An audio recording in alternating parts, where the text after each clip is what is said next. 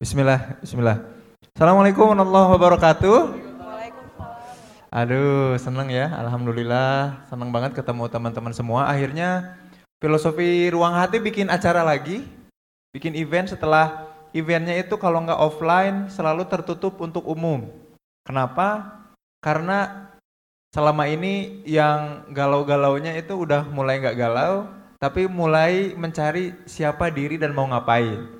Jadinya urusannya bukan lagi untuk menghindari atau menyembuhkan kegalauan, dan keraguan, tapi udah mulai saya bisa achieve apa? Saya bisa mencapai apa, ngejar apa. Nah itu yang makanya kenapa itu nggak bisa lagi event-event gede, tapi cukup kelompok-kelompok kecil. Biasanya yang diajak di kelompok-kelompok kecil itu ya yang di grup FRH ya, gitu.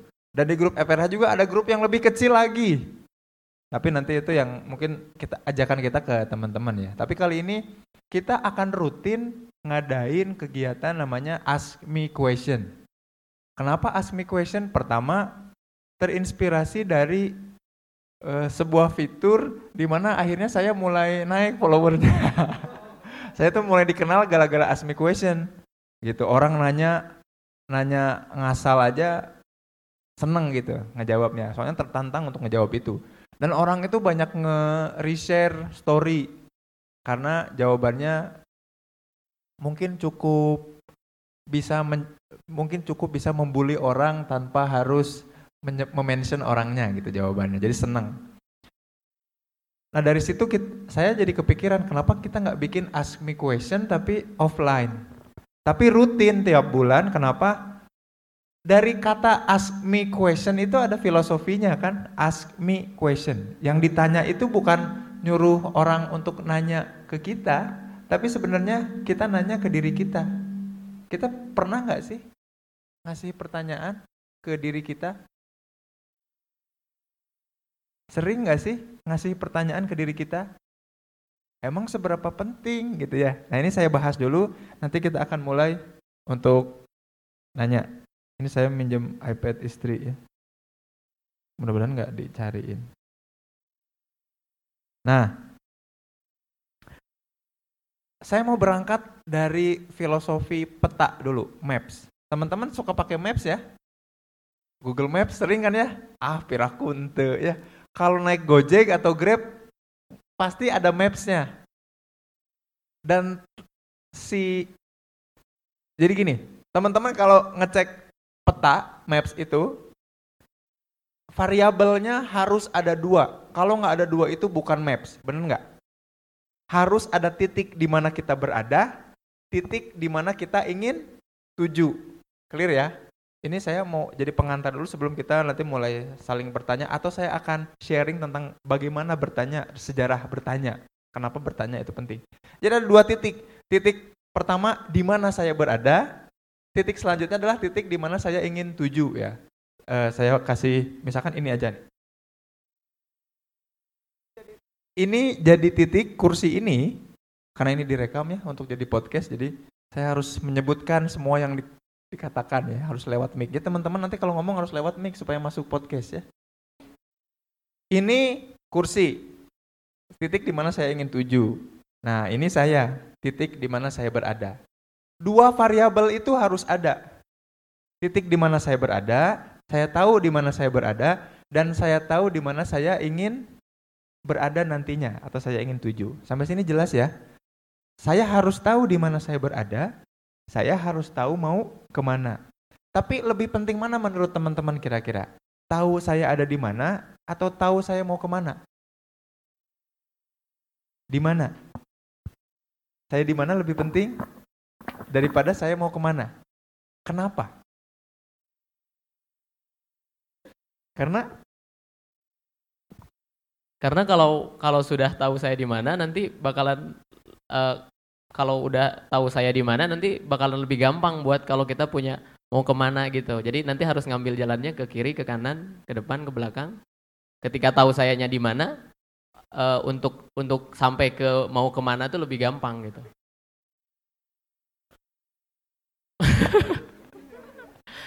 Tapi tahu dulu di mana gitu. Kalau nggak tahu di mana, gimana mau ke mana gitu. Bener gak sih? Kalau kita kalau kita nggak tahu kita di mana, kita kan akan nanya, ini gue di mana sih gitu. Nah kalau itu udah terjawab, baru kita akan nanya, ah gue mau ke sana gitu. Bener nggak gitu? Aku sekarang ada di mana itu kan uh, masalah kan. Masalah karena kita nggak tahu uh, ada di mana gitu sekarang. Kalau misalnya kalau misalnya uh, anggaplah analogi apa uh, presumsinya nggak tahu sekarang ada di mana itu masalah. Sedangkan mau ke mana itu adalah solusi untuk keluar dari masalah itu. Kalau masalahnya aja nggak tahu gimana bisa dapat solusinya gitu. Makanya harus tahu dulu lagi di mana sekarang. Ada lagi? Ada lagi yang mau ya di mana? Ya.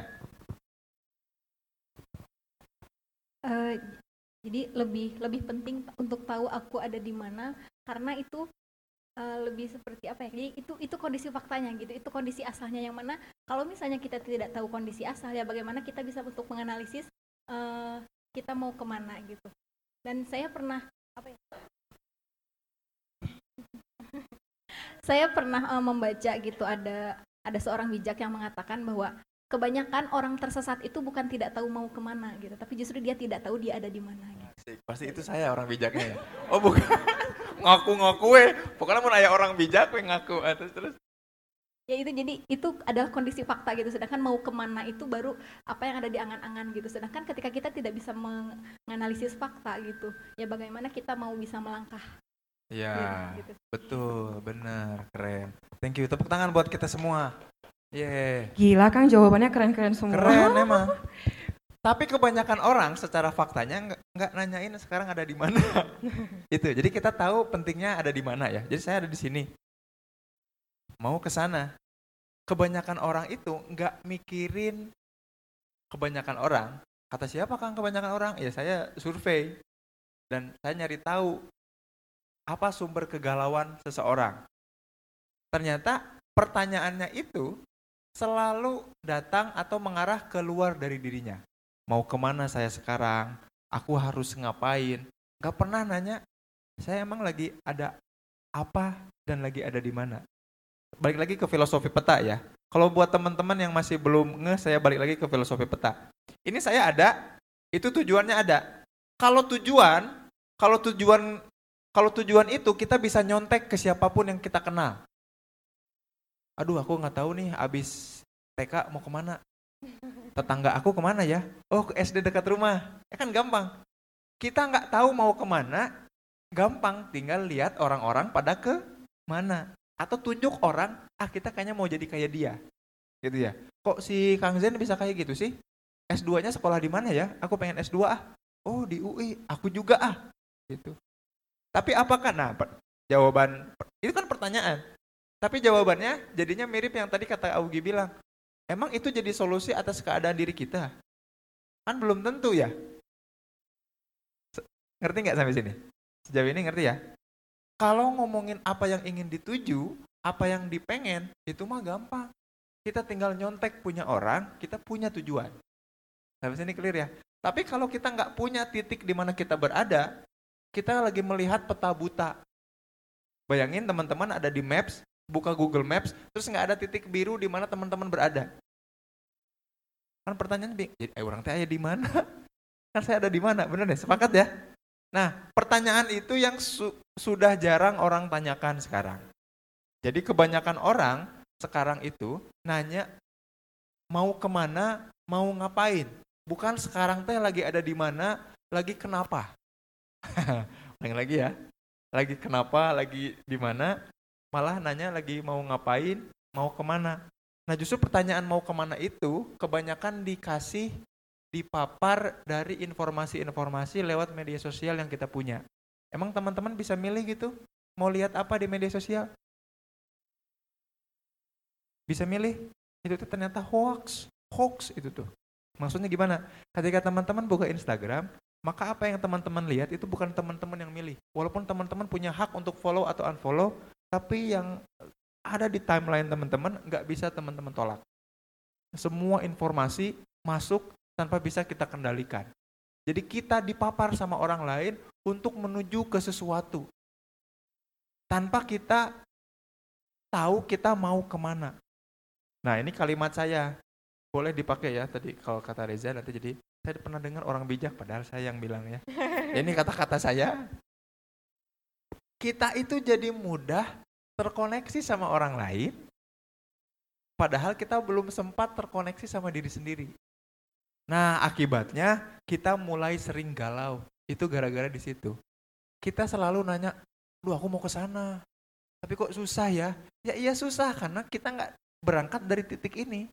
Kita berangkat dari titik orang lain berangkat yang juga mau menuju ke sana. Kebayang ya? Berat ya? Kita pertemuan kali ini berat. Makanya memang harus rutin. Ini baru pertemuan pertama. Dan itulah yang membuat orang terpenjara diri, teman-teman. Nah, aku tinggal ke mana-mana sementara teman aku udah jadi apa? Ya iya, kita menuju hal yang sama, dia mah udah berangkat dari titik di mana dia berada dan dia tahu persis dia ada di mana. Hari kita nggak ke mana-mana, pengen ke situ, tapi kita nggak tahu ada di mana. Kebayang ya? Pakai filosofi peta tadi, maps tadi. Kan kita sering banget sirik sama iri sama orang lain. Eh, nah dia mah laporan udah beres. Eh, kenapa dia mah udah lulus lagi, udah seminar lagi gitu ya. Eh, kenapa dia kok gajinya lebih gede? Tujuannya sama, pengen sama-sama gede, pengen sama-sama lulus, tapi kita nggak nyadar kita ada di mana. Nah kita suka lupa nanya, hari kita teh ada di mana, lagi ngapain, kenapa? Kebayang ya? Dan kenapa acara ini namanya Ask Me Question. Yuk, nanya lagi ke diri kita, kita teh lagi ada di mana, lagi ngapain. Jangan tiba-tiba pengen ke sana, tapi kita nggak tahu lagi ada di mana. Terus tiba-tiba kita nggak bisa nyampe, nyalahinnya siapa? Orang lain. Galau, cemburu, iri, ya nggak? Bete, terus nyalain orang lain gara-gara orang tua sih.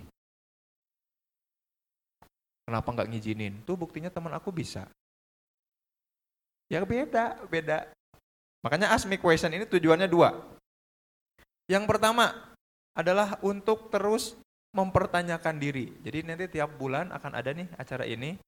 Eh, nggak e, usah banyak-banyak, segini juga enak lah. Jadi jadi saya, oh ini paham ya. Dari muka-mukanya kan, oh paham, paham misalkan. Kalau kalau 100, 200 kan jadi saya bingung nih. Wah, jadi gimmick doang nantinya. Yang kedua, mencari cara find the right way to think about me. Selama ini kita mikir tentang kita bener nggak sih? Nah, loh. Zain Permana ini orang yang seperti apa? Teman-teman ada nggak yang mau jadi kayak saya?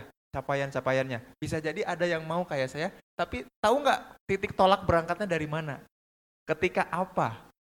Dan apa yang dilakukan step-stepnya seberapa banyak untuk sampai ke titik itu? Jadi yang dicari itu bukan ujungnya, bukan step-stepsnya, tapi titiknya di mana sama nggak sama kita waktu memulai titik itu. Titik itu yang kadang kita lupa teman-teman. Titik itu yang, titik berangkat itu yang kadang kita nggak jadikan acuan utama. Yang jadi acuan itu tujuan. Oh kalau kita mau ke museum geologi dari Kiara Condong, berarti harus lewat mana. Tapi kita harus tahu bahwa kita ada di Kiara Condong dulu ada apa di Kiara Condong? Gitu. Oh, kita mau mau dari sini dari Museum Geologi ke Jatinangor. Ngapain ke Jatinangor ya? Sudah, jangan jadi nyanyi. Itu. Yang pertama, filosofi peta. Sampai sini paham dulu ya. Sampai sini jelas dulu ya. Jadi Ask Me Question itu nanti tiap pertemuannya akan ngajakin teman-teman untuk bertanya tentang diri teman-teman. Nanti teman-teman boleh nanya, saya akan nanya, teman-teman akan nanya tentang diri sendiri, teman-teman yang jawab. Jadi kita akan terus tanya jawab, tanya jawab, tanya jawab, tanya jawab, tanya jawab aja terus. Tapi untuk pertemuan ini kita kasih pengantar dulu, nanti kita simpan di podcast, podcastnya kita share, siapa tahu, oh kayaknya nih dari obrolan ini Aku juga mau nanya sesuatu tentang aku nih. Gitu. Ya. Sampai sini ada yang mau ditanyain dulu nggak? Ada yang mau disanggah, dikomentari? Saya lagi ngebangun strong why. Kenapa penting untuk bertanya tentang diri?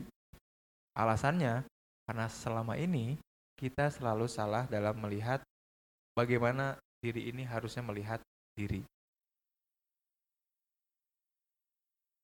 Oke, yang kedua, jadi kenapa pertanyaan itu penting? Ada kata-kata dari Rene Descartes ya, Cartesius. Tahu Cartesius? Bisa apa maksudnya Cartesius ya, persamaan garis, Cartesian. Dia bilang I think therefore I am. Jadi aku berpikir maka aku ada. Aku berpikir maka aku ada. Jadi seseorang itu belum ada kalau dia belum berpikir. Jadi yang jadi keberadaan itu ada dulu baru ada dulu atau mikir dulu?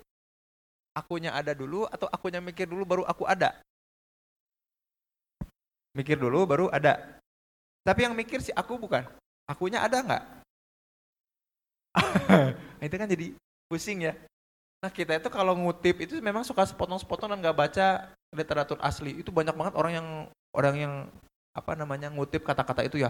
Aku berpikir maka aku ada. Oh berarti kalau kita nggak mikir kita nggak akan eksis gitu ya.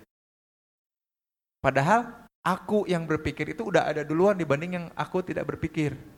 Nah ini ini memang pertemuan kita filosofis ya. Makanya saya harus memastikan muka-mukanya ngerti apa enggak supaya jelas. Aku berpikir maka aku ada. Jadi seolah-olah syarat untuk eksis itu adalah kita mikir. Kalau nggak mikir, kita nggak eksis. Padahal sebelum mikir kita udah ada. Jelas ya? Nah keberadaan ini keberadaan ini dululah yang harus kita mulai.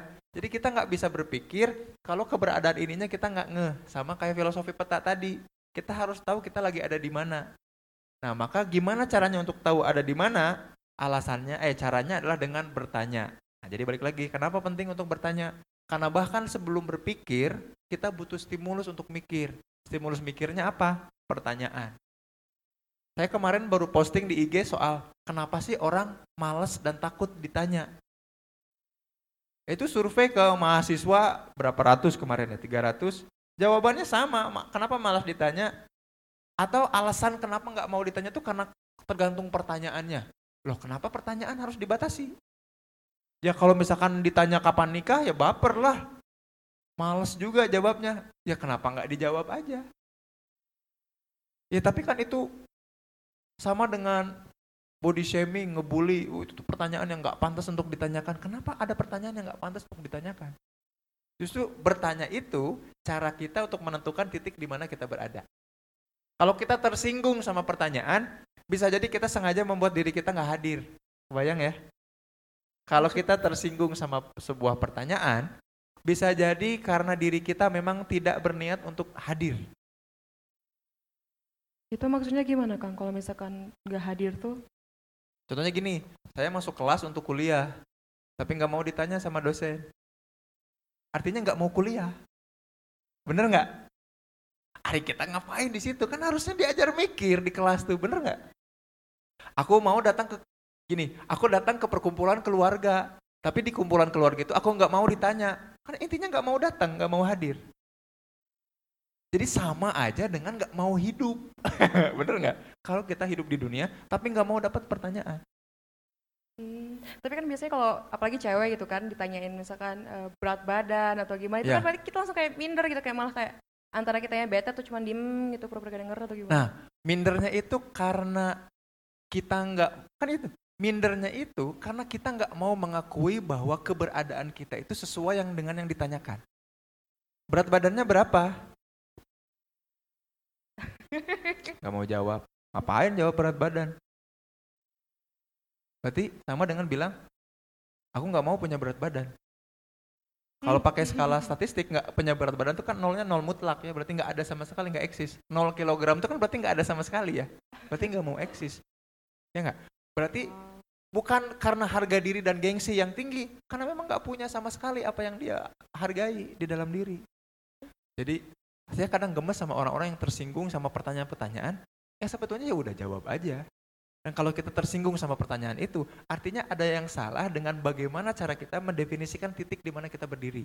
Sama pertanyaan-pertanyaan sepele aja kita nggak bisa jawab, malah menghindar, gimana kita bisa ngejawab pertanyaan-pertanyaan besar seperti gimana caranya kok gimana caranya orang-orang itu bisa berkarya misalkan dan berprestasi itu kan pertanyaan besar ditanya soal, ditanya soal kok nggak bawa calon calon apa kan tinggal nanya dulu ya nanti saya akan share bagaimana Socrates awal mulanya bertanya Gitu. Jadi kebayang ya? I think, therefore I am. Jadi I think, therefore I am. Seolah-olah I am itu hadir, diri itu hadir kalau kita berpikir. Padahal sebelum berpikir, si I itu udah ada. I ini adanya karena apa? Karena ditanya teman-teman, apa kabar? Baik, itu teman-teman eksis langsung. Karena teman-teman lagi menjawab pertanyaan, baru diajak mikir, makin eksis lagi. Gitu, kebayang ya? Kalau teman-teman baca Rene Descartes kayak gitu, kognito, uh, kognito ergo sum ya, aku berpikir, therefore I am. Padahal sebelum setelah kalimat itu di bukunya Descartes itu bilang cogito cogitata ergo sum. Keberadaan itu karena aku bertanya dan pertanyaan ini membuat aku berpikir. Jadi sebelum adanya pikiran dan adanya aku, aku tuh nanya ke aku, Gitu. Kebayang ya? Nah, nah, di psikologi itu saya ngajar Dinda ya di kelas, di psikologi sosial. Saya ngajarin yang ini namanya self awareness. Self awareness, kesadaran diri. Kesadaran diri itu apa? Ketika kita menjadikan diri kita objek. Nah, bener kan ya? Dinda masih ingat kan ya? Oh, itu kan ditekunin terus satu dua SKS tuh ngomongin itu aja bolak-balik. Oh, tiga SKS ya. Tiga SKS bolak-balik ngomongin satu kalimat itu. Ketika kita menjadikan diri kita objek, maka kita sadar diri namanya. Jadi lu sadar diri dong. Berarti kita diminta untuk ngaca. Makanya kenapa bilang ngaca lo. Itu diminta untuk kita sadar sama diri kita. Sadar akan keberadaan diri kita. Gimana caranya supaya kita menjadikan diri kita objek selain bercermin adalah dengan bertanya. Gitu. Sadar diri itu namanya self awareness. Setiap kali melakukan sesuatu sadar diri, namanya self conscious. Jadi self awareness yang diulang-ulang namanya self conscious. Sadar diri yang terus menerus atau sadar diri dalam sementara waktu namanya self awareness. Kalau dalam bahasa para ulama namanya khusyuk. Yang ngetren di psikologi sekarang dirubah jadi mindful. Eta-eta kene, bulak-balik dekok. Cuman karena ada gerakan, kan istilahnya disepakati sama orang-orang tertentu ya komunitas FRH boleh nggak bilang acara ini ask me question? Boleh. Tapi komunitas lain bil bisa bilang gini nggak? Oh, FRH itu cuma ngadain Q&A. Boleh kan? Beda istilah doang, tapi intinya sama. Sama-sama mempertanyakan diri. Kenapa sih? Emang kalau aku nggak nanya sama diri sendiri, emang kenapa gitu? Emang kalau aku nggak nanya dan aku nggak sadar, emang kenapa? Jawabannya ya nggak apa-apa, tapi jangan galau dan ngeluh. Ya, Kang aku mah nggak mau ah nanya, pusing mikir juga pusing. Aku mau pokoknya nggak mau nanya, nggak mau nanya nggak mau ditanya, pusing. Ya udah, jangan ngeluh. Kalau orang nggak ngajakin lagi, benar nggak? Kalau orang nggak bersimpati lagi, jangan ngeluh dan jangan nyalahin orang lain, boleh nggak? Misalkan, Hera, udah nikah belum? Belum. Kapan mau nikah? Gak tahu Kang. Terus Vera tersinggung. Setiap ketemu, dan aku nanyanya ini terus kayak gitu. Terus Vera akhirnya menghindar. Boleh nggak Vera ngeluh? Gimana? Boleh nggak? Boleh nggak kira-kira teman-teman? Boleh. Boleh. Kenapa boleh? Karena ditanya sama orang lain, ya enggak? Tapi pertanyaan itu sempat nggak ditanyain sama diri sendiri? Setelahnya kayaknya mulai ditanya-tanya kapan gitu ya. Karena akhirnya nanya, kenapa sih aku tuh ditanyain nikah terus? Tapi kalau kita malas mikirin itu, nggak jadi dijawab kan? Dan sesuatu yang tidak dijawab, sesuatu yang nggak bisa dijawab, itu menggelisahkan. Sesuatu yang menggelisahkan, sebut namanya, semua istilah yang teman-teman punya, intinya sama. Intinya kita kegelisahan untuk kegelisahan karena nggak mampu menjawab pertanyaan. Mulai dari galau sebutlah katakanlah namanya galau. Overthinking stres bete. Sebut hal-hal psikologis yang teman-teman rasain itu diawali dari apa yang namanya ketidakmampuan kita untuk menjawab pertanyaan terkait diri makanya itu terjadi curangnya manusia, errornya manusia, kita menyalahkan orang lain bahkan Tuhan atas sesuatu yang nggak bisa kita jawab. Jadi kita menyalahkan orang lain dan Tuhan atas hal-hal yang tidak mampu kita jelaskan. Kenapa aku belum kerja-kerja terus? Ah Allah nggak ngasih rezeki. Tah, jeleknya manusia teh kadang kayak gitu. Menyalahkan orang lain dan Tuhan atas apa-apa yang nggak bisa dia jawab. Kenapa ya aku teh nggak nikah-nikah? Orang-orang tuh nggak pada cinta, nggak ngerti apa kualitas diri yang keren kayak gini. Jadi ternyalahkan batur. Gitu. Jadi boleh nggak teman-teman nggak mau nanya dalam hidup teman-teman? Boleh, asal jangan komplain dan nyalahin orang lain. Kalau komplain dan nyalahin orang lain, akan dibalikin. Apalagi sama FRH ya. Ngaca makanya. Sadar diri. Tapi benar ya, disuruh sadar diri karena harus aware. Jadi kita menciptakan sesuatu karena ada gap. Gap ini karena ada problem, problem ini muncul dari insight, insight ini dari pertanyaan. Semua ciptaan itu muncul dari pertanyaan. Jadi bertanya itu teman-teman penting. Masalahnya sekali lagi diulangi lagi bahwa kita jarang banget jarang banget nanya ke diri sendiri. Kalaupun ada pertanyaan ke diri sendiri, kita abaikan, kita nggak dengar. Kita lebih milih apa yang ditanyakan orang lain ke kita. Which is membuat seolah-olah itu tuh datangnya selalu dari orang lain, bukan dari diri kita. Sampai sini oke? Okay? Reza kayak yang bingung mau nanya sesuatu? Enggak? Mau ngobrol? Mau? Pokoknya buat teman-teman yang ada yang mau ditanyakan itu langsung aja ya angkat tangan. Tadi kita udah bikin kesepakatan kan? Yuk. Gimana?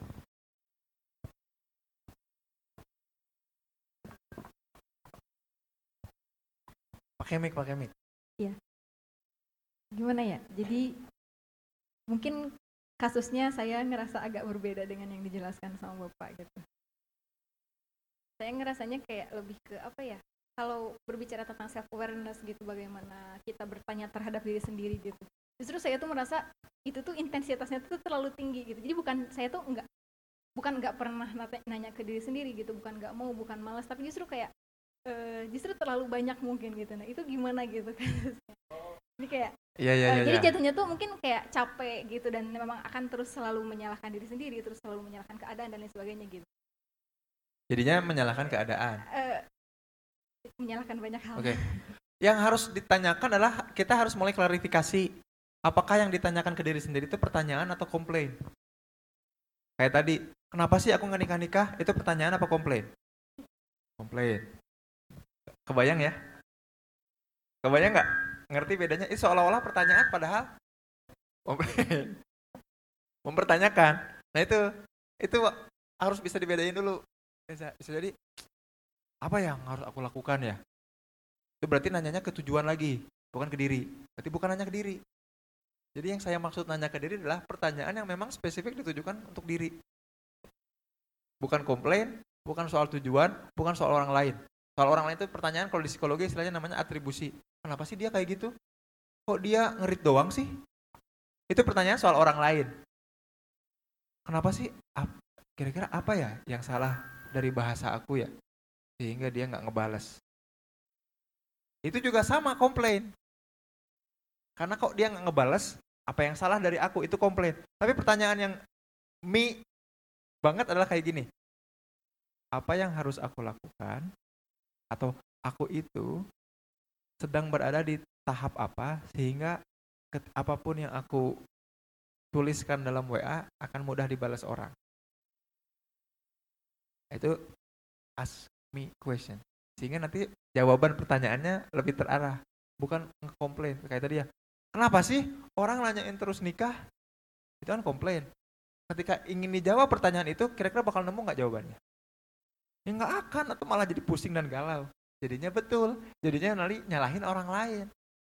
Kamu sih nanya kayak gitu, jadi aku pikirin pertanyaan itu yang nggak akan aku temukan jawabannya, gara-gara kamu. Gitu. Itu contoh kegalauan bermulai dari kita mengira bahwa itu tuh pertanyaan soal diri kita. Kebayang ya, udah saya? Jadi ask me question itu nanya ke diri kita, kita lagi ada di titik apa? Gimana tukang caranya? Nah ini yang dipakai sama Socrates. Kita masuk ke caranya ya. Reza, ada lagi? Aman? Sejauh ini aman dulu? Oh, boleh.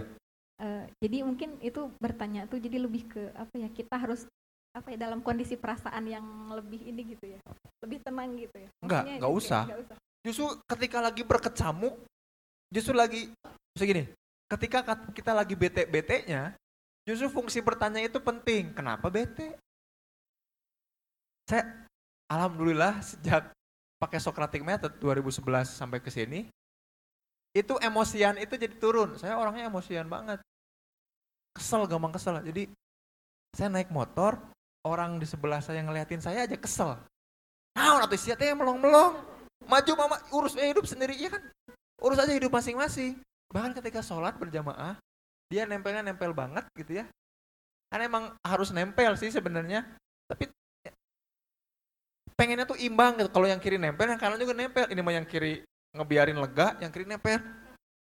Siapa naon itu kan tapi kalau kita mulai pakai Socratic method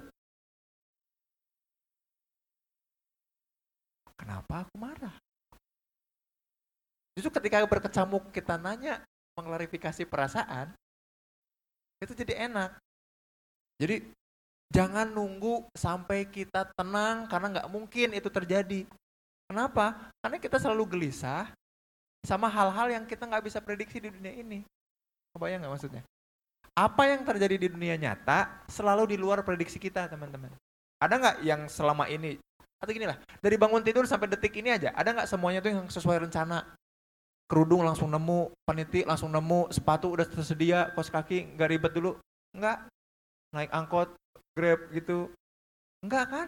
Semua random acak. Kita aja yang ngebangun itu, apakah ini bisa membuatku bahagia atau enggak? Kita yang bikin. Maka nggak akan ada momen di mana sangat tenang. Apalagi dalam Islam ya. Bahkan ketika kita mati pun nggak sempet rehat kita teh nggak sempet istirahat. Dihajar deh itu teh manro buka gitu ya. Di dalam kubur teh kan langsung ditanya rudet ah? Makanya banyak orang yang nggak milih Islam karena kita teh harus terus sibuk. Di dunia sibuk nanti di akhirat juga sibuk. Mempertanggungjawabkan apa yang ada di dunia kan? Gimana keluar aja dari Islam gitu? Nanti itu kan contoh pertanyaan lagi ya jadi jangan nunggu sampai kita betul-betul ada di titik dan gak pernah ada titik nyaman. Makanya Faida Faruk Tafangsob beres satu intinya mah beres satu kerjaan-kerjaan yang kerjakan yang lain tuh itu tuh bukan suruhan sebetulnya. Mau ngasih tahu state of beingnya manusia, keadaannya manusia itu kalau beres satu kesibukan, mual diantep ku Allah itu pasti dikasih jebret ke hal yang lain. Eh, mama mertua saya contohnya pusing mikirin anaknya yang belum nikah anaknya udah nikah, alhamdulillah lega, beres, udah nggak akan ada yang dipikirin lagi. Ternyata kakak ipar saya cerai. Nah loh, ada lagi yang dipikirin. Ternyata usahanya bangkrut. Ada lagi, jadi nggak kita nggak akan mungkin kita tidak akan dibiarkan diam oleh Allah. Kita memang diminta untuk bergerak untuk untuk cari tahu siapa diri kita supaya kita tuh dapat jalur ke surganya tuh lewat mana. Hehehe jadi asa dakwah. Iya kayak diundang ke alatif deh ah jadi. Gitu ya. Nah saya mau cerita soal Socrates. Kalau ada gelisah kayak gitu nanya aja ya. Kang aku tapi gelisah. Ya, ya bagus justru gelisah. Karena kegelisahan itu justru penting buat diri kita. Yang jangan sampai jangan sampai ketika kita gelisah kita sampai lupa bertanya dan ngejudge bahwa itu tuh memang kegelisahan yang terjadi Nah itu kan kadang-kadang kan eh, kita ke ke- kelamaan sama terlalu dalam gelisah gitu, terus malah ngahuleng gitu. Iya, karena lama-lama kita gini ada mekanisme namanya neu- neuroplasticity. Menikmati kegelisahan kita teh. Nikmat. Kan sakit, disakiti itu nikmat. Karena akan dapat perhatian yang lebih. Sakit itu nikmat. Sedih itu nikmat. Marah itu juga ada yang menikmati. Contohnya misalnya gini, kita nggak dikasih kabar sama someone spesialnya kita. Dikasih kabar kamu ke mana aja sih? Nggak ngabarin. Udah tuh kan sibuk handphone mati ini. Alasannya clear dan jelas. Ah nggak tahu ah pokoknya pokoknya lain kali harus ngabarin. Iya kan enak. Ada kenikmatan di mana kita di apa ya dimintai maaf. Supaya dia tuh ini ada penelitiannya costly apology itu lebih dinikmati dibanding non costly jadi kalau orang lain minta maaf tuh kita akan lebih puas kalau dia tuh minta maafnya sambil melakukan sesuatu yang costly membuat dia berkorban. Ada penelitiannya itu. Kurang ajarnya manusia itu kayak gitu. Bahkan ketika sakit, sakitnya itu dinikmati. Penelitian kemarin toxic relation itu kan saya presentasiin tuh. Itu orang Korea, Uchol Kim, Profesor Uchol Kim yang ketua ASEAN Indigenous itu sampai kaget ngedengar pertemuannya. Oh, orang Indonesia ternyata menikmati disakiti ya. Yang toksik itu nggak mau keluar dari hubungannya, hubungan pacaran itu nggak mau keluar. Bukan karena dia nggak bisa berpikir dengan jernih, karena dia takut kehilangan kenikmatan untuk disakiti. Dan baik-baikan itu nikmat banget rasanya. Jadi ada stres, nikmatnya stres itu ketika apa? Ketika rilis. Uh, aduh, kumahanya cara nanya nggak jelasinnya. Mohon maaf ini ya, saya pakai pakai contoh yang mungkin agak menjijikan. Eh, eh. kita menekan keras, tapi kalau udah rilis, plung, lega kan ya? Itu suasana di mana kita mendapatkan pengalaman toxic relationship. Disakiti sama pacar secara fisik dan psikis, tapi kalau baikan itu nikmat buat kita jadi candu. Jadinya kita ingin mengulangi. Ada fitur di tubuh manusia namanya rekreasi. Recreation itu kan mengulang pengalaman yang sama. Pengen lagi disakiti gitu. Ha, aing mah. Makanya ajakan FRH itu ngajak di mana rasa sakitnya, rasa stresnya itu bukan disakiti oleh relasi, tapi sakit ketika kita melakukan sesuatu karena kita ingin berkarya dan berprestasi. Itu fungsi FRH itu ngajaknya ke arah sana. Lebih nikmat sakit ketika berjuang loh, dan rilisnya itu ketika berkarya dan berprestasi dibanding disakiti karena muter-muter aja di urusan chat nggak dibalas kamu nggak perhatian sama aku kamu tuh harusnya milik aku emang kamu pilih dia apa? Aku? Ih gemes. Tapi itu ketika baikan itu jadi nikmat. Kebayang ya? Nah teman-teman yang mudah galau biasanya menikmati hal itu. Aku bete aku galau. Menikmati berkemul dalam selimut. Menikmati uh, hujan-hujanan sambil galau nangis ya enggak itu tadi dinikmati ada kenikmatan. Kenapa karena rilis. Setelah stres sebelumnya ada perasaan rilis. Makanya anak-anak muda zaman sekarang hasil penelitian kemarin adalah lebih mudah nyari mood booster. Yaitu sesuatu yang secara fisik fisik fisiologis menghindarkan sementara membuat kita merasakan yang namanya releasing stress. Padahal stresnya kita buat sendiri. Nyari mood booster yang ngerilis stres sendiri. Anak muda zaman sekarang, kan? zaman dulu mah gak gitu. Misalkan nyari kopi yang tea yang enak, coklat yang enak ke kafe apa, ngelihat pemandangan apa. Ah. Dan yang bikin candu tuh bukan rilis stresnya, mencari penyakit lagi. Memang kita kerjaannya kayak gitu. Nah makanya kita harus nanya, emang ini yang mau kita inginkan? Jadi kalau dalam istilah bahasa Sundanya mah rekio wae tapi kekolot gitu ya. Apa kita mau mengulangi hal yang sama? Nah, kegelisahan itu dialami oleh Rasulullah ketika melihat dari gua Hiro. Tapi sebelum Rasulullah hadir pun ada orang yang membuat cara bagaimana caranya kegelisahan ini tuh bisa dikelola sama seseorang supaya kita bisa kenal sama diri kita. Tokohnya namanya Sokrates. Sokrates ini akhirnya dikenal dengan Socratic Method. Cara-cara bertanya terhadap diri. Nah, cara-cara ini yang kita nanti akan praktekkan ke diri kita ya. Atau teman-teman praktekkan ke diri sendiri. Teman-teman nanti melakukannya. Socrates itu tokoh filsafat yang tidak punya buku. Tapi paling sering disebut.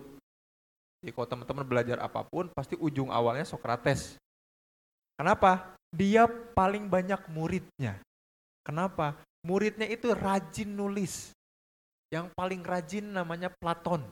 Bukan Plato ya, sebenarnya disebutnya Platon. Platon itu paling rajin nulis sampai buku-bukunya banyak banget. Tapi selalu buku-bukunya Platon itu diawali dengan kata dialog. Kenapa? Karena Socrates itu nanya. Jadi Socratic method itu ajakan untuk bertanya. Jadi berpikir atau ilmu yang paling dasar adalah ilmu soal bertanya. Kalau nggak ada pertanyaan, nggak akan ada ilmu. Gitu. Kalau nggak ada pertanyaan, nggak akan ada gerakan. Nah, kalau kita nggak bertanya tentang diri, ya kita nggak akan dapat ilmu. Kitanya. Kalau kita nggak bertanya soal diri kita, diri kita nggak akan bergerak. Gitu kata Socrates. Kenapa Sokrates nanya? Karena Sokrates sangat mencintai ibunya. Ibunya adalah seorang bidan.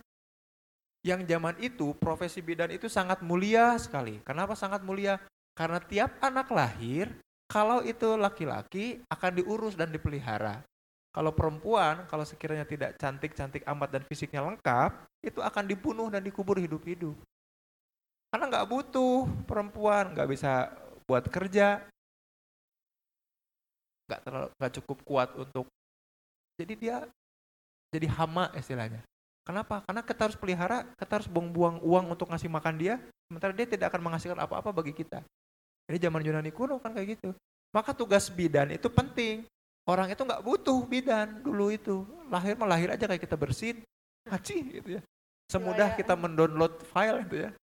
Jadi teman-teman lahir di bidan di rumah sakit apa di download? Anak zaman sekarang gitu.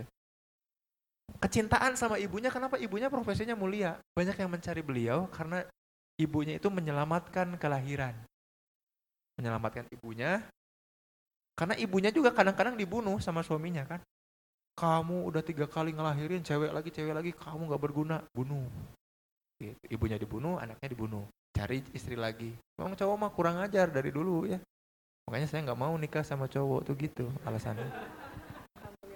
Salah satu alasannya gitu. Sokrates ngeliat ibunya. Keren ibu aku. Dan Sokrates bilang, aku mau jadi bidan. Tapi bidan dalam bidang lain. Jadi Sokrates mikir, semua orang itu pasti punya ilmu di dalam dirinya. Maka tugas kita lah menjadi bidan bagi keluarnya sebuah keilmuan. Kebanyakan Sokrates itu pengen membidani ilmu dari orang-orang. Maka dia nyari metode gimana caranya supaya orang-orang itu keluar ilmunya. Apa yang Sokrates lakukan? Nah, jadi kerjaan Sokrates dari bangun tidur sampai tidur lagi adalah bertanya. Dan hikmah itu, ilmu itu, tes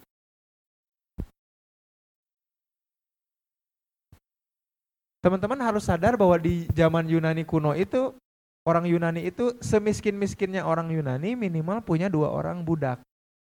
Jadi ada orang Yunani pengemis, pasti mengemisnya itu ditemenin sama dua budak gitu.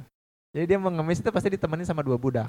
Nah Aristoteles itu bangsawan, ini saya kasih tahu gambaran zaman dulu ya. Aristoteles itu bangsawan, untuk satu kegiatannya dia, dia akan ditemani sama minimal 15 budak. Jadi untuk mandi disiapkan sama 15 budak, untuk tidur disiapkan sama 15 budak yang berbeda, untuk makan disediakan sama 15 orang budak yang beda, untuk jalan-jalan keluar 15 budak yang berbeda, untuk hal-hal lain 15 budak yang beda. Kenapa? Karena Aristoteles bangsawan, beliau konsultannya Alexander the Great, Alexander Agung. Dikasih fasilitas itu. Nah semiskin-miskinnya orang Yunani pasti minimal punya dua orang budak Gitu. Jadi walaupun dia mengemis, pasti ditemenin sama dua orang budak yang biasanya datang dari Afrika yang kulit hitam. Socrates juga punya banyak budak. Makanya untuk kerjaan remeh-temeh, Yunani itu, Yunani kuno itu udah ada yang ngerjain. Jadi untuk makan ada yang nyiapin, untuk mandi ada yang mandiin. Makanya nganggurnya banyak.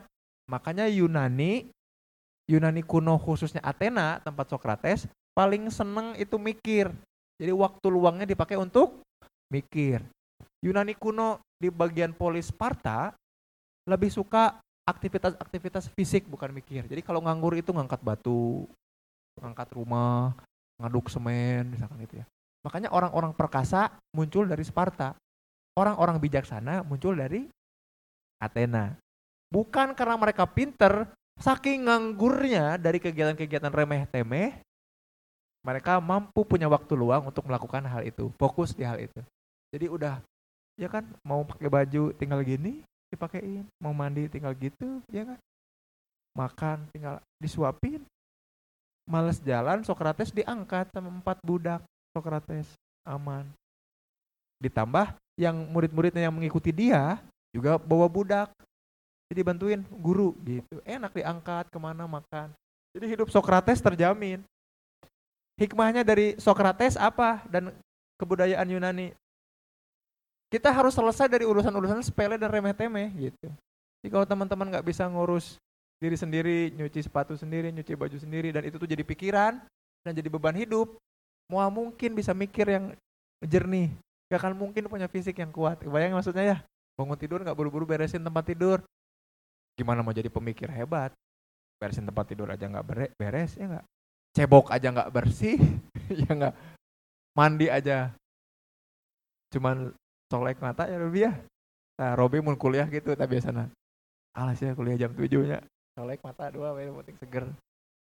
Kebayang ya teman-teman ya orang Sparta itu larinya bisa lebih cepat daripada masih ada orang yang larinya lebih cepat daripada kuda. Makanya zaman dulu orang tuh bertanya-tanya eh kuda fungsinya buat apa? Orang Yunani kuno tuh nggak penting ada kuda. Kita ngirim pesan aja lebih cepat orang lari. Makanya dulu masih ada pelari-pelari cepat Cuman sering ketika perang sering dibunuh pelari-pelari cepat itu kan. Uh, beb lagi ngapain? Lompat. Karena yang ngasih pesannya lari. Zaman itu masih ada. Makanya setelah Alexander Agung orang tuh jadi jarang ada yang bisa lari secepat itu. Lari, loncat, terbang nggak ada ya. Tapi loncat itu tingginya wuh, peng, peng, macam gitu. Bisa terpercaya yuk kita buat mesin waktu datang ke zaman itu.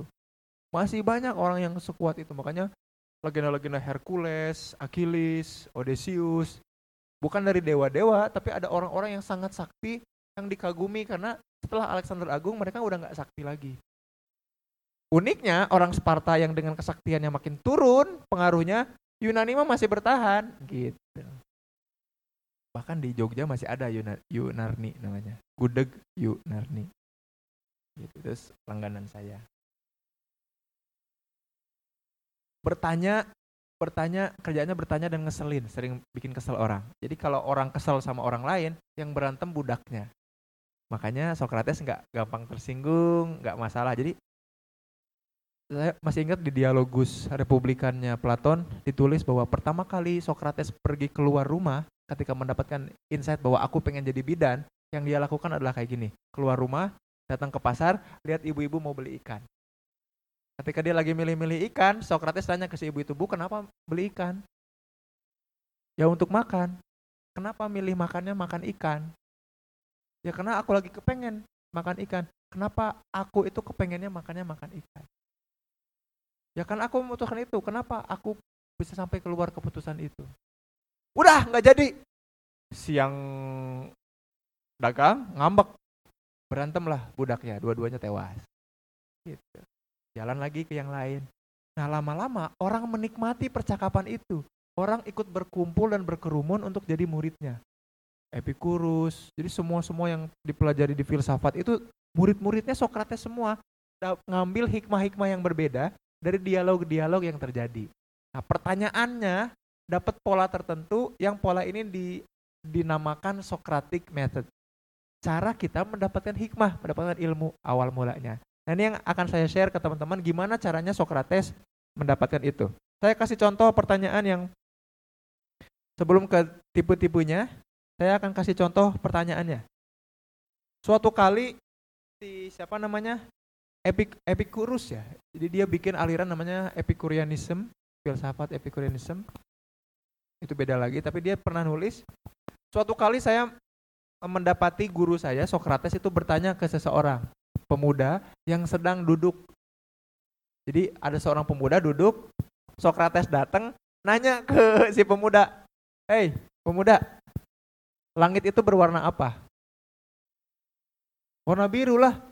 Emang kamu nggak bisa lihat? Kata si anak muda itu. Terus Sokrates nanya lagi, yakin berwarna biru? Iya yakin. Oke. Apakah langit juga warna biru bagi orang yang buta? Ya tetap biru lah. Orang butanya aja yang nggak bisa lihat bahwa itu warna biru. Terus dia nanya lagi. Jadi langit itu biru bagi yang bisa melihat aja. Ya enggak. Bagi yang nggak ngelihat juga itu biru. Loh. Kok gimana caranya kalau nggak ada yang melihat bisa tahu itu tetap biru? Terus dia bilang lagi. Oh iya ya. Berarti biru itu cuma ada di pikiran.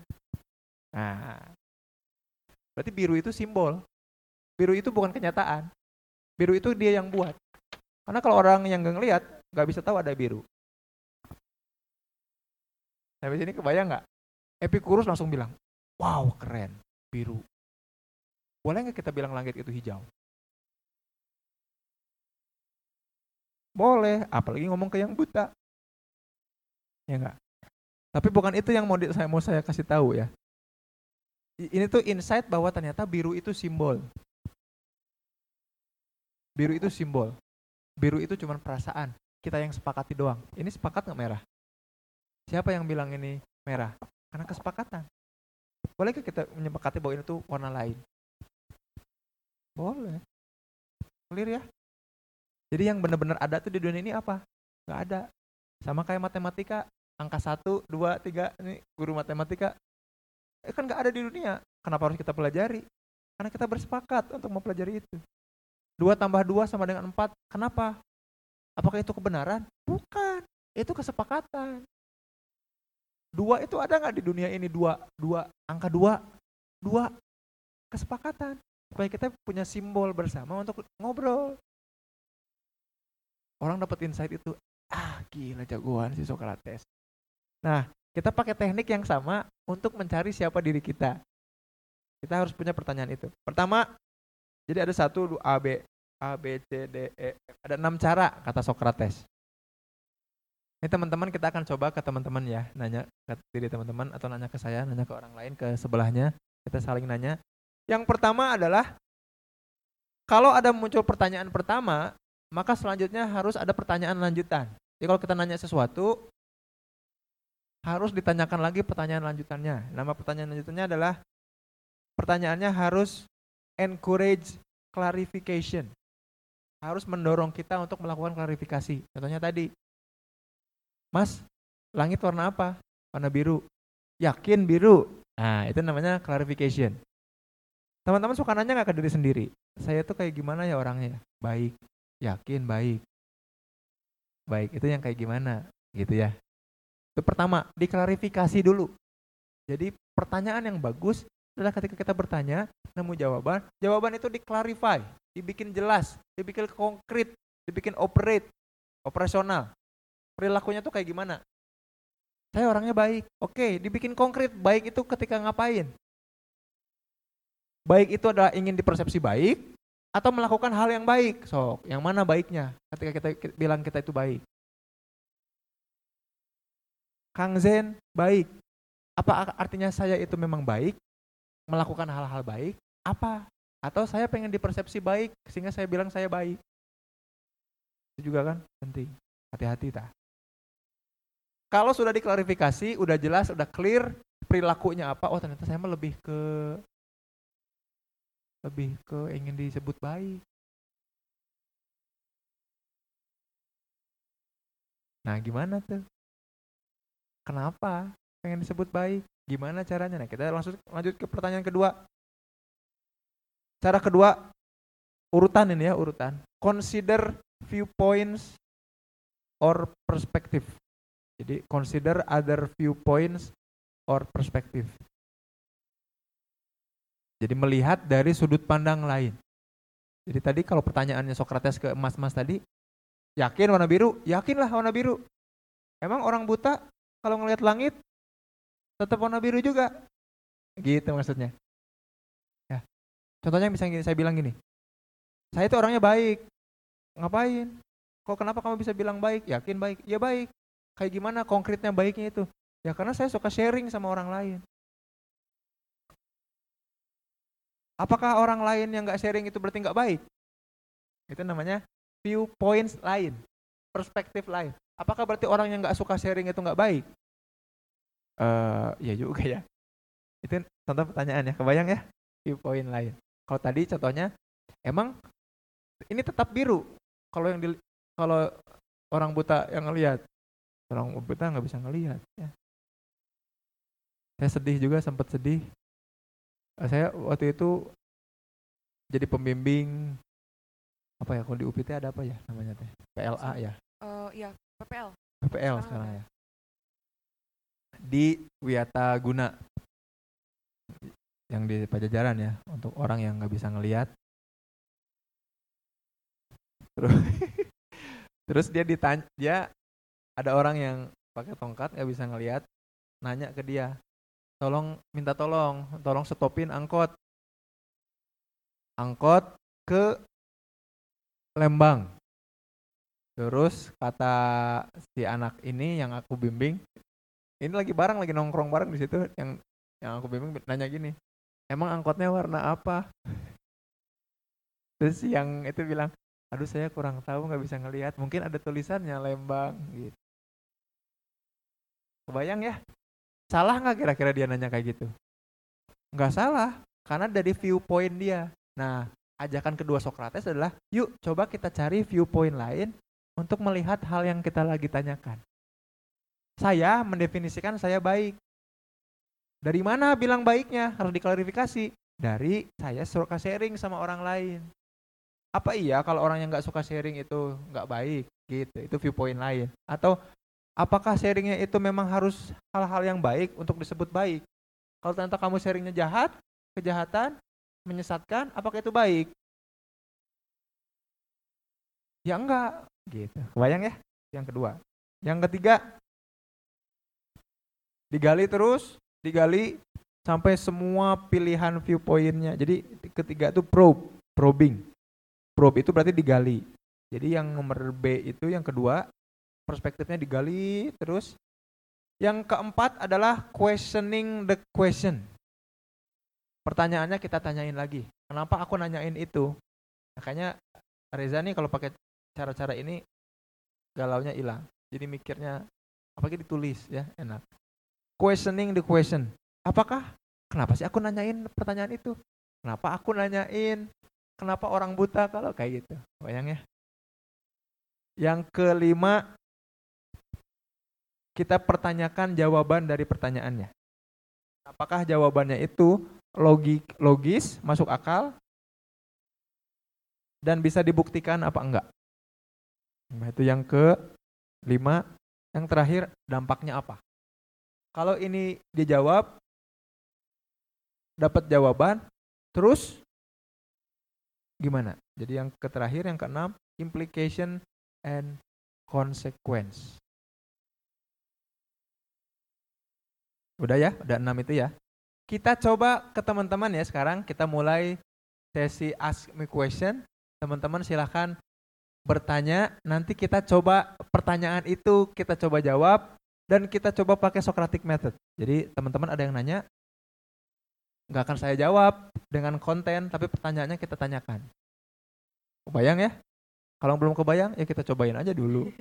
Nanti juga kebayang. Nah nanti ask me question bulan depan tipenya akan sama. Karena kita juga sambil belajar public speaking ya kan public speaking itu kalau nggak ada yang mau disampaikan mengapain public speaking ya suka ada yang nanya ke saya Kang gimana caranya percaya diri public speaking? Adik kamu nggak ada yang mau disampaikan mah dek kumah dek pede ya nggak? Misalnya kita naik naik bis yang ngadap ke belakang. Kan penumpang tuh pada ngeliat ke kita ya. Karena kita ngeliat ke belakang apakah kita harus Assalamualaikum bapak-bapak ibu-ibu? Kan nggak harus atau nggak harus ada publik kita harus speaking. Ada sekiranya nggak ada yang mau diomongin mah nggak usah ngomong. Saya juga kan kalau nggak harus mimpin acara mah ngapain ngomong ke teman-teman juga ya. Bisa jadi teman-teman nggak peduli dan saya juga buang-buang energi. Kalau ini mah beda. Oh, saya jadi pengisi acara, bisa jadi teman-teman datang karena peduli apa yang mau saya omongin. Kalau nggak peduli juga kan teman-teman pasti nggak denger aja, tutup aja kupingnya nggak atau pura-pura sibuk yang lain kan suka gitu. Kadang di kelas juga ya, Dinda ya. Saya ngomong yang nggak peduli makan main handphone apa ya biasa weh. Dan nggak nggak akan saya marahin, nah bukan urusan saya itu mah. Urusan saya mah sharing. Yuk, teman-teman punya pertanyaan apa? Sekarang kita coba lewat pertanyaan seputar penjara diri ya. Teman-teman punya pertanyaan apa yang ingin ditanyakan? Yuk kita coba pakai Socratic method. Apakah pertanyaan itu bisa kita ulik sampai ternyata punya implikasi yang bisa mendefinisikan siapa saya dan membuat kita keluar dari penjara diri? Wih, Yuk, nih. coba. Coba teman-teman siapa yang mau bertanya? Boleh, silahkan. Oh ya, punya pertanyaan apa itu lebih tepatnya? Coba. Boleh? Kayak mulai mereka mempertanyakan juga Kang tapi ke diri sendiri gitu. Eh, Atau mulai atau ada pertanyaan soal yang tadi saya sampaikan dulu boleh? Oh, teman-teman ngebul pusing nggak apa-apa tanda mikir ya. Boleh enggak? Eh, Bismillah. Nama saya Ansori Muhammad. eh, dari Unisba. Ini sih yang tadi Kang Zen sampaikan masih bingung terkait sadar dengan diri kita artinya menjadikan diri kita objek itu maksudnya gimana gitu? Maksudnya menjadikan diri kita objek itu seperti apa? Contohnya misalkan gini, eh ketika kita lagi naik motor, diserempet orang, terus kita kesel. Biasanya marah nyalahin orang yang nyerempet kita. Nah, itu nggak jadi menjadikan diri kita objek. Karena yang jadi objeknya orang lain dan kejadiannya. Kalau menjadikan diri kita objek adalah aku, aku tadi gimana ya jalannya? Benar kok sebelah kiri. Kok kenapa dia nyalipnya sebelah kiri ya? Nah, itu ketika dia lagi kita udah hilang kesadaran tentang dirinya. Jelas nggak maksudnya? Jadi ketika diri kita yang jadi objek utama perhatian, maka itu lagi sadar diri. Ketika objek yang kita pikirin itu udah orang lain atau kejadian, kita lagi nggak sadar diri lagi.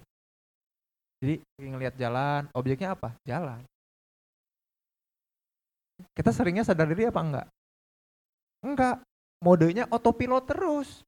Bahkan ketika mikir, dalam kesadaran penuh, objeknya bukan kita.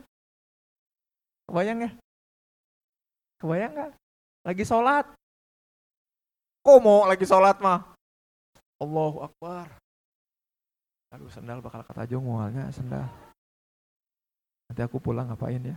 Kan enak ya nikmati hening ya bisa bik- bikin kita mikir.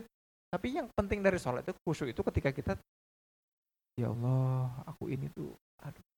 Jadi ketika bilang alhamdulillahirabbil alamin aku bersyukur, aku yang bersyukur.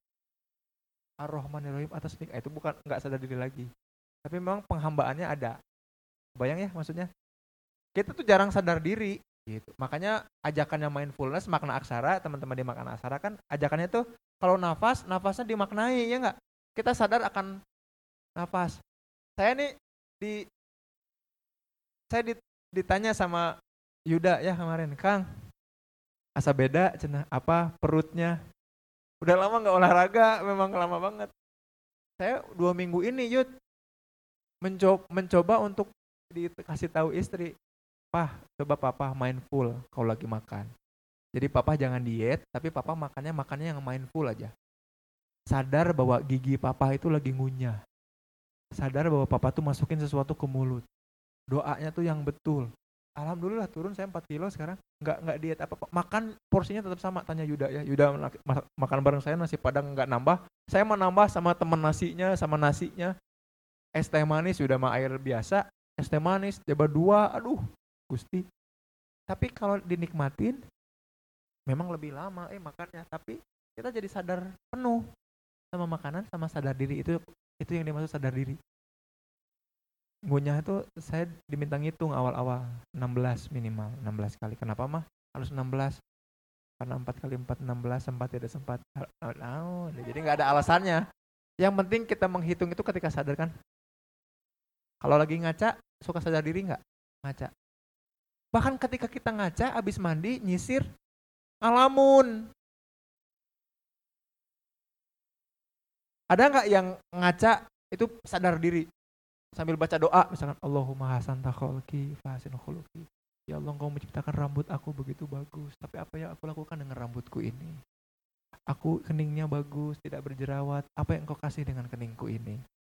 Aku engkau kasih hidung bisa bernafas kan gitu ya sadar diri apa yang aku lakukan dengan hidung ini itu sadar diri namanya kan kalau kita ngaca oke rapi kayaknya kelihatannya oksimetris aman nggak sadar diri kita salahnya kita ada di mode autopilot terus. Nah, ajakannya itu adalah yuk.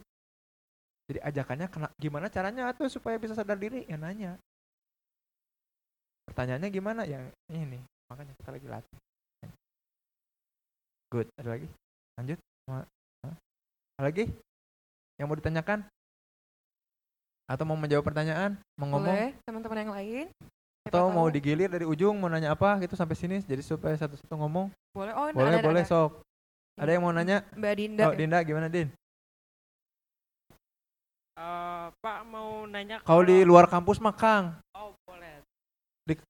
Kampus juga Kang juga nggak apa-apa sebenarnya. Bapak tuh bapak-bapak tuh jadi asal udah tua eh pak pak ah, pak. Ya udah tuh jadi Kang Zen. Heeh. Kang Zen mau nanyakan Socrates method ini apa bedanya sama pendekatan skeptis? Karena Heeh. kan kalau dengar-dengar apa kalau misalkan ngobrol sama orang eh bilangnya kan kalau skeptis itu sama kayak mempertanyakan apa yang ditanya gitu. betul betul Ya, jadi bedanya sama skeptis apa? Atau sebenarnya sama aja? Heeh, ya ya skeptis itu bukan mempertanyakan apa yang ditanya. Mempertanyakan apa yang dijawab dari pertanyaan. Mempertanyakan sesuatu itu namanya skeptis. Kita serba, serba mempertanyakan tuh skeptis. Skeptis tuh bagus bagus. Kalau mempertanyakannya dalam artian kita butuh klarifikasi. Jadi apa bedanya Socratic method sama skepticism? Skeptis Socratic method itu metodenya caranya skepticism itu idenya atti- attitude-nya jadi dalam melakukan klarifikasi tadi langkah pertama, ya kita harus sambil skeptis sambil mempertanyakan, kenapa aku harus marah? Kan kita lagi mempertanyakan diri.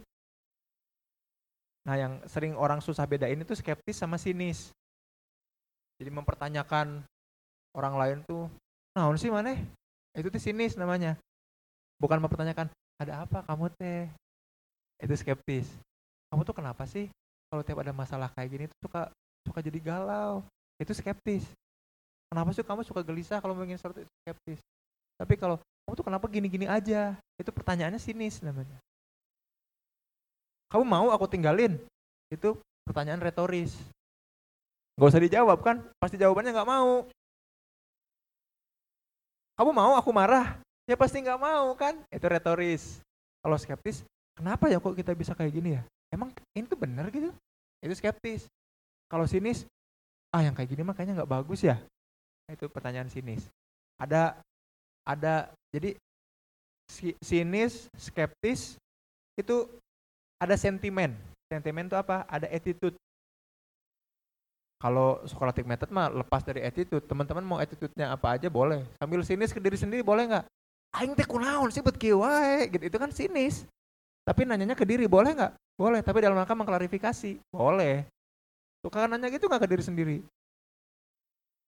Suka tapi kadang-kadang kita nggak sadar ya. Contohnya gini, kalau kita malu sama diri kita, kita, kita melakukan sesuatu yang nggak seharusnya. Ih, kenapa sih tadi tebut kayak gitu? Kayak dia. Pernah nggak kayak gitu? Suka tiba-tiba, uh, ke diri sendiri. Itu kan ngomong sama diri sendiri itu teh. Nah diri kita teh perlu diajak ngobrol. Caranya dengan sadar diri. Menjadikan diri sebagai betul-betul lawan bicara, sebagai objek. Harus sadar bahwa kamu Zain yang jadi objek. Aku teh lagi ngomong sama kamu, Zain. Kita tuh suka lupa itu. Gitu, Din. Gimana lagi? Masih belum eh, apa? Dapat paham yang ada attitude sama nggak ada attitude. Jadi sentimen itu ada perasaan, ada muatannya. Caranya boleh klarifikasi. Misalkan gini, aku ngasih sesuatu ke Vera, eh Vera ngasih minuman ke aku. Ngasihnya itu kan caranya ngasih. Ngasihnya dengan ngasihnya pakai baki. Ya. Apakah ngasih pakai baki ini tanda sopan? Belum tentu, tergantung cara ngasihnya. Nah, cara ngasihnya itu pakai sentimen apa. Tapi caranya tetap ngasih minum menggunakan baki. Nah, Socratic method itu cara. Sentimen yang kita bangun di cara itu boleh macam-macam. Gitu ya. Ba- kemarin bagus video di Shift Media ya. Anaknya lagi ngasih makan kucing, kucingnya makan, makanan kucingnya dia ambil, terus mau dimakan sama si anaknya. Sama bapaknya dicarek, ditepak. Eh jangan dimakan nangis anaknya. Caranya betul, ya enggak? Sentimennya betul, persepsi anaknya beda. Nah, yang ngebuat beda perasaan kita tuh kan bukan dari cara, tapi dari sentimennya.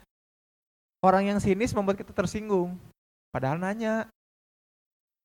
Padahal pertanyaannya jawabannya akan sama dengan cara orang nanya yang skeptis, tapi sentimennya yang beda muatannya yang beda. Makanya sama-sama dikasih, sama-sama dianterin naik motor, tapi sama pacar mah beda sama Gojek. Karena sama Gojek mah nggak ada sentimen, bener nggak? Sama-sama diantar, lebih cepet sama Gojek, tapi kita lebih menikmati sama seseorang yang kita sayangi. Kenapa? Ada sentimen. Caranya mah sama gitu. Nah, Socratic method itu cuma ngasih cara. Nah, skeptis, sinis, optimis itu cuma sentimen. Sentimen yang kita gunakan. Teman-teman mau nanya mau pakai sentimen apa? Sentimen sinis, ya boleh kalau memang dalam rangka menghukum diri. Sentimen skeptis boleh kalau pengen memperkuat kepercayaan diri. Gitu. Sentimen optimis boleh kalau pengen kita na naik apa naikin level diri kita. Yang penting caranya harus klarifikasi tetap klarifikasi dari apa aja nama teh aku jadi lupa klarifikasi misalnya klarifikasi lihat dari sudut pandang lain digali terus ditanyain pertanyaannya bayang ya sentimen itu muatan dikasih roti sama orang yang gak kita sayang kan biasa aja. Tapi dikasih roti ih kok dia ngasih roti? Makanya kita butuh sahabat untuk curhat untuk ngecek mengklarifikasi bahwa ini tuh cuman cara loh. Orang lain juga bisa ngasih itu. Ih dia perhatian banget sama aku tahu nge-WA-in terus kayaknya dia sayangnya sama aku. Sama sahabatnya Arisia indung maneh oke enggak poe nelponan gitu. Kenapa nggak dibilang sayang? Sepugu-pugu indung kamu mas sayang. Kan gitu ya karena orang tuh jadi buta karena sentimen bukan karena cara. Itulah sebabnya kalau kita nggak nggak kenal sama diri nggak suka nanya sama diri jadinya kita nggak skeptis sama diri benar nggak? Apalagi perempuan ya saya waktu share sama Ustadz Salim kemarin tuh bikin penelitian kan mental time travelnya kebanyakan teman-teman. Baru ditanya WA apa kabar? Udah mikirin resepsi di mana.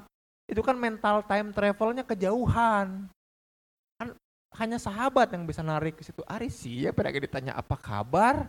Cukup jawab baik kan ya? Siapa pun yang nanya apa kabar? Kan nggak ngajakin resepsi. Nah, kita suka GR itu yang yang bikin kita galau kan sentimennya. Sayangnya karena ke orang lain bukan ke diri kita. Nah sekarang nanya ke diri kita. Gitu deh bayang ya? Sentimen yang penting. Gitu. Ya betul ada lagi boleh mungkin buat teman-teman yang lain putar tadi mungkin dari sentimen ada insight pertanyaan atau mungkin ada pertanyaan yang belum kejawab sebelum sebelumnya oke okay. boleh Ayo, ayo, ayo. Oke, kalau nggak ada kita mulai. Nggak ada ya, aman? Kalau nggak ada kita mulai tuliskan di kertas teman-teman atau di pikiran teman-teman pertanyaan apa yang ingin teman-teman tanyakan ke diri sendiri saat ini. Teman-teman, kira-kira pengen nanya apa ke diri sendiri? Jadi kalau teman-teman posting di Instagram, di story, Hai, aku mau nanya apa ke aku? Gitu. Kira-kira mau nanya apa? Satu pertanyaan. Nanti kita akan mulai bedah pakai Socratic method. Waktunya dikasih 30 detik, mulai dari sekarang. 30, 29, 28. Kalau ada yang nggak bawa alat tulis nanti akan dikasih ya? Ada, oh ya. Akan dikasih alat tulis mas kawin dengan seperangkat alat sholat di dengan semua masalahnya dan hutang-hutangnya kan gitu ya bi ya saya terima Ruby dengan segala hutang dan penyakit juga Satu pertanyaan yang pengen teman-teman tanyakan ke diri sendiri. Oh. Naon? Lah.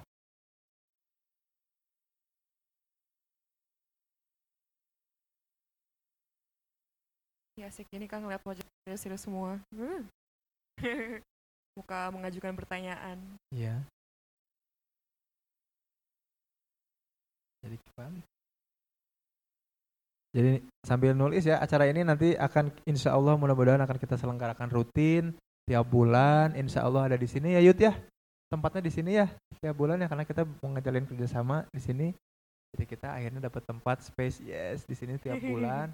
Teman-teman kalau nanti mau ngajakin temennya lebih banyak boleh, tapi harus kita cek lagi. Mudah-mudahan nggak sampai ratusan ya. Ya itu Kang sama buat teman-teman yang belum follow filosofi ruang hati, oh, ya. follow dulu tuh Instagramnya. Follow dulu FRH-nya. Saya kan pasti kalau ada event event baru itu ada infonya, kalian uh -uh. bisa follow up. Ya. Dan jangan minta fallback ya. Udah? Dapat pertanyaannya?